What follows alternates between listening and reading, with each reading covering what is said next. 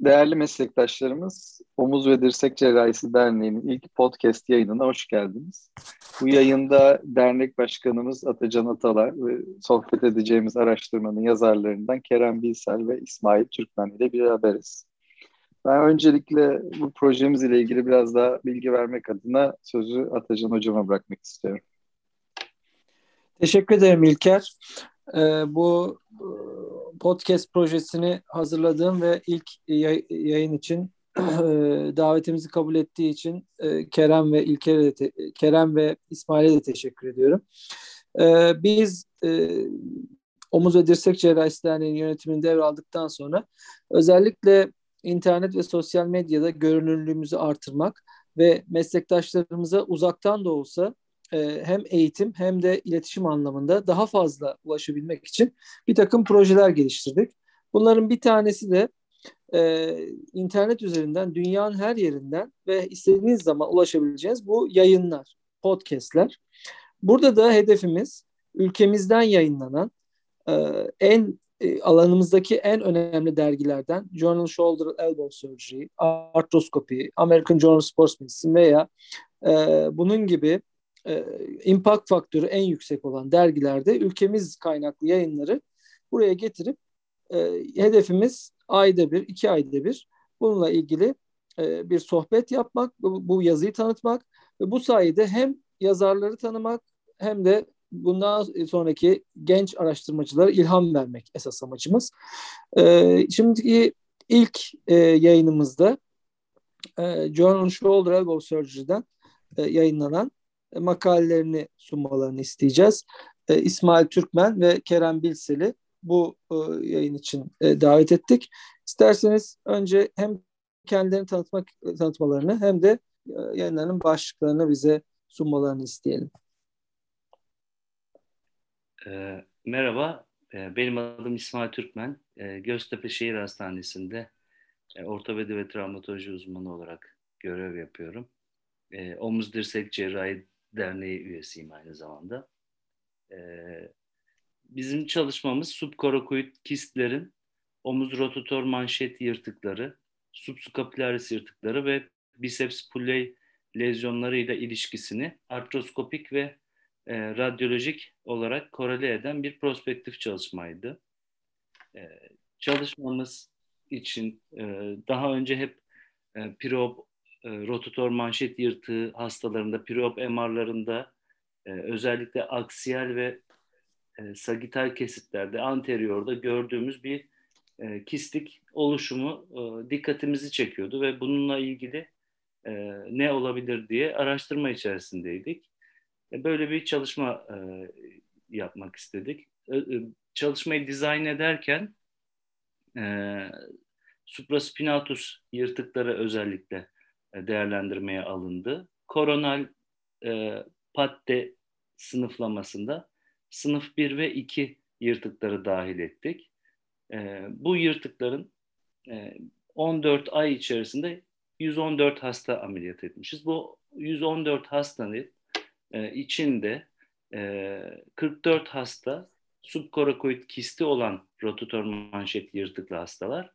E, geri kalanları da subkorakoid kisti olmayan hastalardı.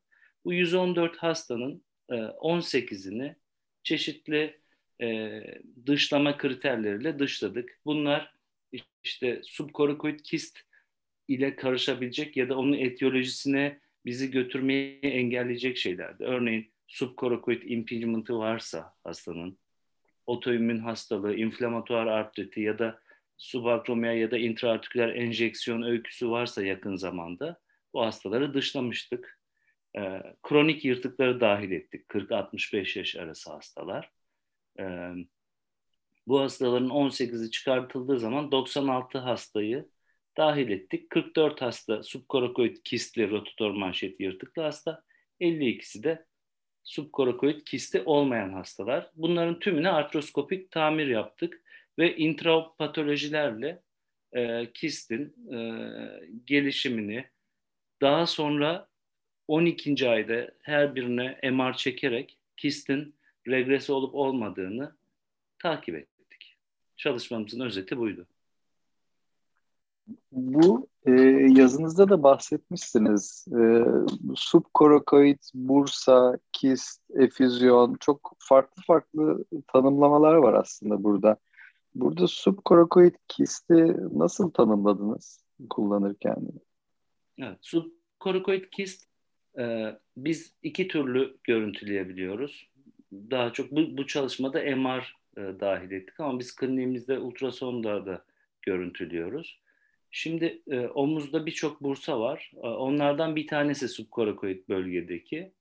E, glanohumeral eklemde iştiraki yok bunun.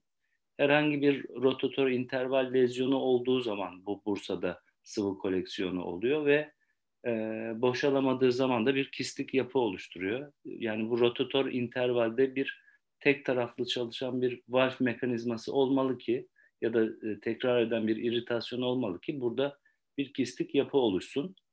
E, aksiyel MR'da tanı koyması çok kolay. Aksiyelde ve sagitalde. Aksiyelde e, korakoidin altında, distalinde, subscapularis kasının anteriorunda ve conjoint tendonuna komşu olarak gözüküyor. E, sagitalde de yine e, subscapularis'in anteriorunda olan bir kist. Burada karışabileceği tek şey subkorakoid reses yani e, şeyin altındaki subscapularis'in altındaki yani daha ekleme yakın olan resesteki sıvı birikimiyle karışabilir ama oradaki ayrım noktamız bu e, subkorakoid kistler subscapularis kasının her zaman anteriorunda olur. Bu şekilde ayrımını kolayca yapabiliyoruz. Ultrasonda da hemen biz e, bisiptal oluğa probu koyup hemen medyaline kaydırdığımız zaman e, çok rahatlıkla görüntüyü alabiliyoruz. Evet bu anterior superior yırtıklar, interval problemler aslında çok farklı bir hasta grubu herhalde bunlar. Yani literatürde de bununla ilgili az sayıda çalışma var. Ee, bu, siz de pratikte de gerçekten böyle bir farklı bir grup olarak görüyor musunuz bu hastaları? Anterior Diğer posterior superiorlarla karşılaştırınca. Evet abi yani e, omuz anterior ağrısı çok sık karşılaşılıyor. E, yani bu hastalarda rotator manşeti tamir etsek bile bazı sorunlar olabiliyor. Bisepse e, bağlı sorunlar da olabiliyor. Yani bu, bu hastaları diğer e, gruptan ayırıyoruz. Evet. Sonuçta da herhalde hipotezinizi destekleyen de bir takım bulgular elde ettiniz galiba gördüğüm kadarıyla. Evet, şöyle ki e, yani sayı vererek çok boğmak istemiyorum ama iki grup hastanın yani kisti olan rotator manşet yırtığı olan hastalarla kisti olmayan rotator manşet yırtığı olan hastaların e, intraop bulgularında yüzde yetmiş kisti olan grubun yüzde yetmişinde yaklaşık subscapularis'te lafos 1-2 bir yırtık vardı en az. Ve e, yine yüzde yetmiş yetmiş bir de biceps pulley lezyonu dediğimiz işte e, superior glenohumeral ligaman ya da e, coracohumeral ligaman işte subscapularis kasının distal yapışma yeri ya da anterior supraspinatusta bir lezyon mutlaka vardı. Diğer grupla anlamlı derecede farklıydı. Dolayısıyla biz subkorakoid kisti gördüğümüz zaman hemen bir e, subskapüler kas yırtığı ya da biceps pulley lezyonu yani rotator interval lezyonu geniş adıyla e, hemen şüphelenip onu e, aramamız gerektiğini çıkardık bu e, çalışma sonrasında. E, ikinci çıkarımımız da e, bu e, kaf tamiri yaptığımız kistli hastaların kistleri e, 12. ay MR'larında ortalama yani en az e, en erken 12 ay sonra çekilen MR'larında bu kistin regresi olduğunu gördük. Yani bir indirekt çıkarımla e, bu kist bize bir e, indirekt bir belirteç. Yani o kist küçüldüyse de e, tamirimizin e, sağlamlığını yani repair integrity'yi gösteren bir indirekt bulgu olduğunu düşünüyoruz. Şimdi bununla ilgili de ikinci bir çalışma yürütüyoruz.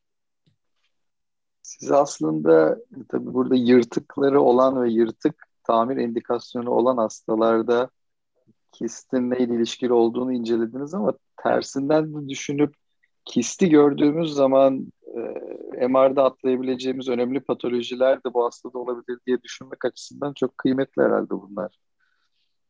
Evet abi biz yani iki türlü de düşündük. Hatta e, biz yani bu çalışmanın e, ilk gönderdiğimiz hali e, orada retire olan hastalarda yani kontrol MR'ı çektik bu hastaların hepsine.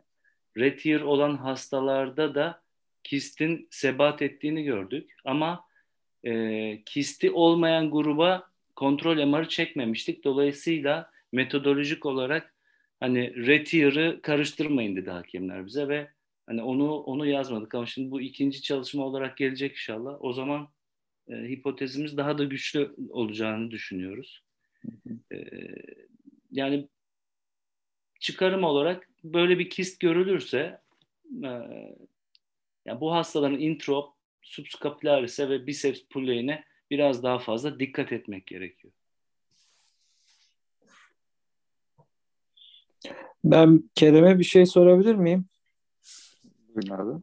Aa, Kerem, subkorakoid kisti olup da subskapülersinde yırt veya bisepsinde sorunu olmayan yaklaşık bir yüzde otuzluk grup var. Ben biraz şeytanın avukatlığını yapayım. O grupta ne, ne gördünüz?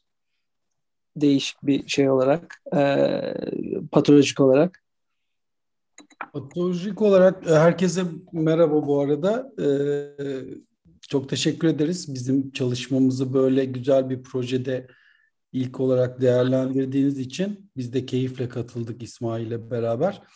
Ee, abi şöyle e, tabii kisti olmayan yüzde otuzluk bir grup var o e, subskapulars ve pule lezyonu olan ama bunlarda ekstra bir hani farklılık ya da significant bir şey görmedik. Ekstra bir lezyon görmedik bunlarda. E, fakat hani İsmail'in de dediği gibi orada bir aynı spinoglenoid notch kist'teki olduğu gibi bir check valve mekanizması oluşunca e, bunun oluşabileceğini düşünüyoruz. Ama hani hepsinde bütün anterior tarz yırtıklarda bu oluyor mu? Olmuyor. Ama büyük oranda e, belirgin olarak özellikle bu yırtıklarda biceps, pulley, intervali içeren yırtıklar, işte korakoymeral ligamanlar içeren bir takım değişiklikler varsa bu kist oluşabiliyor. Bu da bize bir aslında e, bu kisti görünce bunlardan şüphelenmemiz gereğini gösteriyor. Çünkü siz de biliyorsunuz abi bu subscapularis yırtıkları bizim eskiden aslında e, üstün körü oraya bakıp hep supraspinatus, infraspinatus daha çok oralara yönelip e, tamir ettiğimiz zaman zaman atladığımız da yırtıklar aslında. Lafos tip 1-2 yırtıklar. Eskiden çünkü çok e, bilinmiyordu. İşte Burkhart'ın e, grubunun e, hidden lezyon olarak söylediği ve artroskopinin de ilerlemesiyle beraber bizim de tecrübelerimiz artmasıyla beraber ben şimdi günlük pratiğimde bile siz de fark ediyorsunuzdur. Daha fazla subscapular tamiri yapmaya başladık. Ee, İsmail'le de ilk konuştuğumuzda bunu ben de hastalarıma baktığımda hatta biz birbirimize işte WhatsApp'tan mesaj atıyoruz. Bugün şu vakayı alıyorum bak yine gördüm gibi İsmail'le sürekli bir süre bunları paylaştık. Ve sonra bu çalışma gerçekten kafamızda oturdu ve hipotezi oluşturup yani bu subkorakoid kist bize bir sign olarak, bir bulgu olarak bunları hatırlatsın ve biz artroskopide daha oraları değerlendirelim. Gördük ki gerçekten sıklık fazla bu kistle beraberlik fazla anterior superior bölgede. Subskapüler yırtıklarında bir olanlar, iki olanlar da var. Lefos'a göre sınıflamışsınız. Birler için e, hepsinde tamir yaptınız mı? Debridman yapıp bıraktığınız hastalar da vardı tahmin ediyorum. Sadece fibrilasyon olan.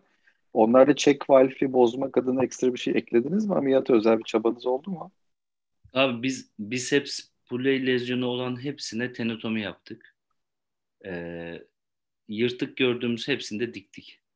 Biraz over treatment olmuş olabilir ama.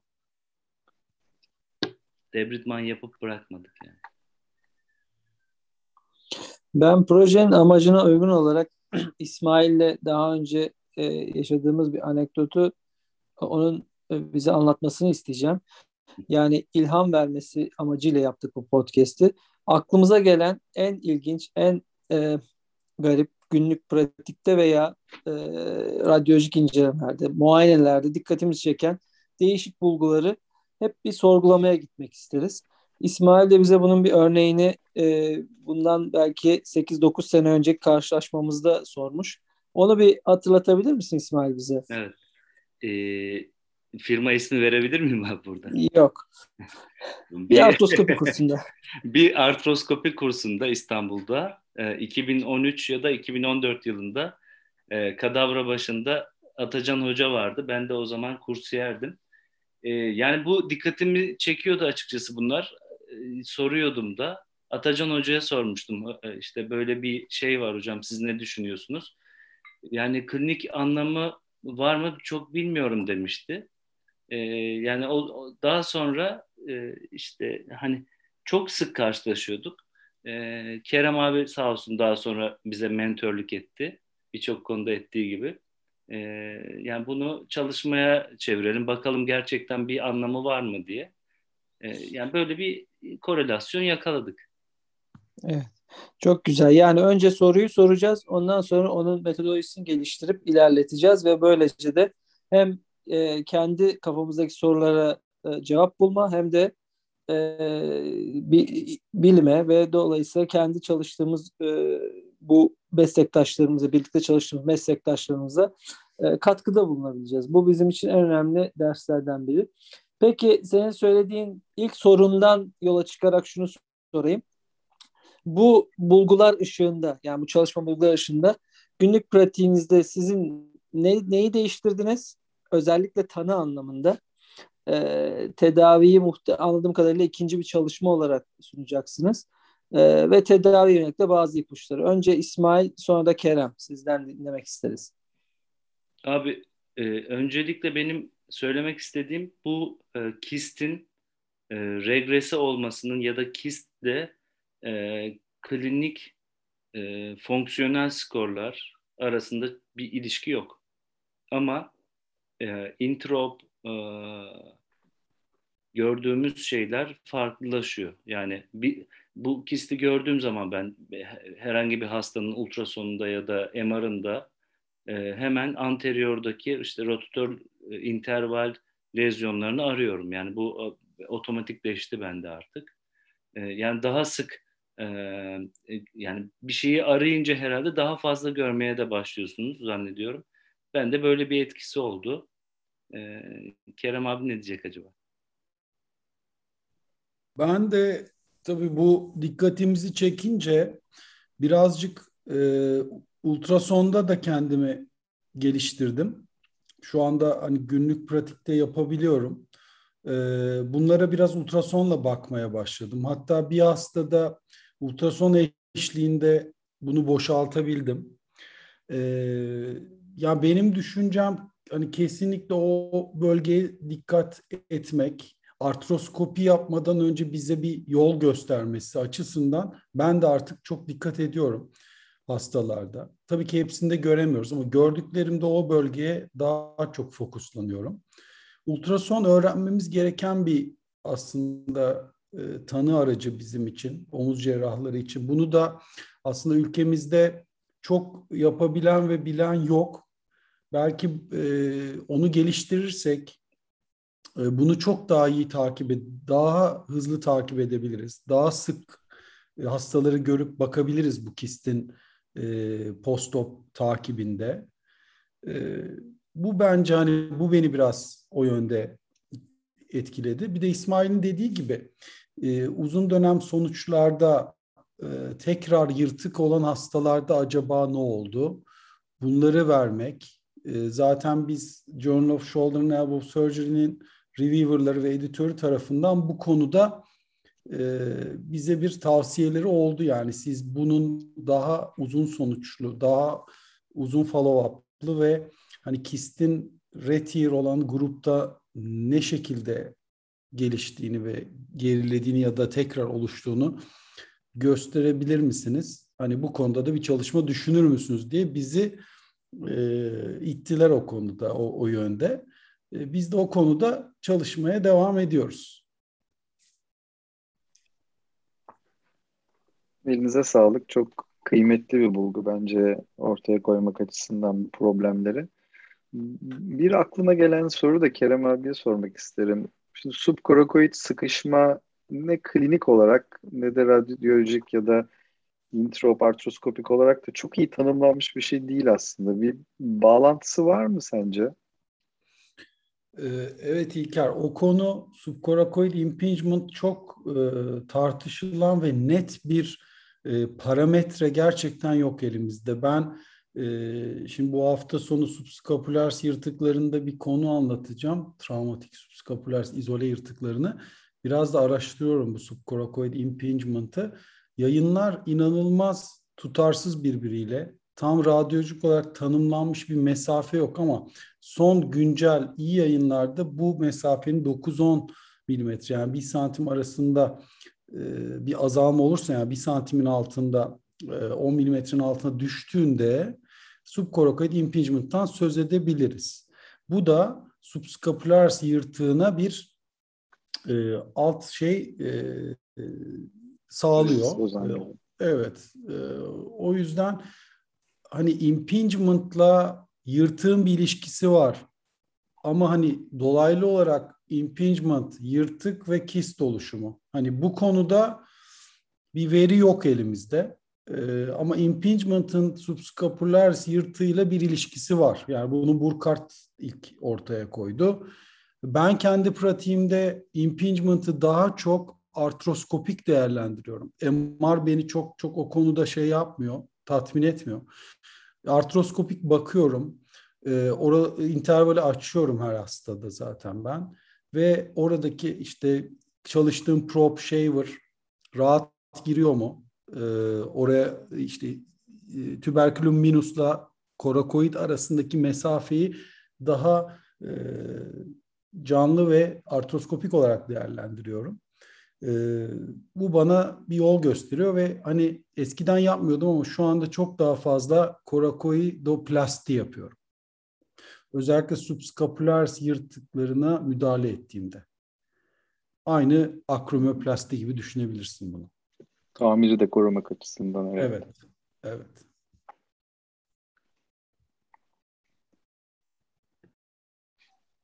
Atacan abi eklemek istediğiniz bir şey olur mu? Ee, ben genel olarak bu çalışmayı yayınladıkları için ve, ve üzerinde bu, kafa yorup bununla ilgili e, veriyi e, disiplinli bir şekilde toplayıp e, sundukları için yazarlara teşekkür ediyorum. Hem bizim e, Türk Omuz ve Dirsek Cerrahisi Derneği topluluğu olarak e, bu tip çalışmalar bize gurur veriyor. E, hem de dünya bilimine katkıda bulunuyorlar bu sayede. E, bizim bundan sonra bu, bunu dinleyen meslektaşlarımızın da e, çalışmalarını bu çıta üzerinde yapmaları için e, ilham verdikleri için hepsine teşekkür ediyorum. E, ve bu tip yayınlarımıza da önümüzdeki aylarda gene diğer çalışmalara devam edeceğimize e, ve zamanı geldikçe de e, hem Instagram'dan hem e, web sitemizden duyuracağımızı hatırlatmak istiyorum. Herkese çok teşekkür ediyorum. Biz de çok de... teşekkür ederiz abi. Ee, bizi ilk yayın olarak seçtiğiniz için. Size de ayrıca bu anekdot sonrası bence İsmail bir hata yapmışız. Atacan abiye de bir acknowledgement kısmına teşekkür yazmamız gerekirdi diye düşünüyorum. Onu da e, ekleyeyim. E, bu da inşallah meslektaşlarımız Omuz Dirsek grubuna bir ilham verir. E, güzel çalışmalar gelir ülkemiz adına. Bize gurur verir. Ben İlker'e de çok teşekkür ediyorum bunu organize ettiği için. E, diğer podcastleri de heyecanla bekliyoruz. Ben de küçük bir ekleme yapmak isterim. Bu çalışmayı biz benim eski çalıştığım hastanede yürütmüştük. Ümraniye Eğitim Araştırma Hastanesi'nde. Çalışmanın diğer yazarları Güray Altun ve Haluk Çelik de e, iyi birer e, omuz dirsek cerrahisi e, derneği üyesi. E, onların katkıları olmasaydı biz bu çalışmayı yapamazdık. Onlara da buradan teşekkür ediyoruz. Bütün araştırma ekibinin eline sağlık. E, katıldığınız için hepinize de ayrıca teşekkürler. Vakit ayırdığınız için teşekkürler. Bence oldukça eğitici ve keyifli bir sohbet oldu. E, bir sonraki podcast yayınında da görüşmek dileğiyle inşallah. Hoşçakalın hepinize.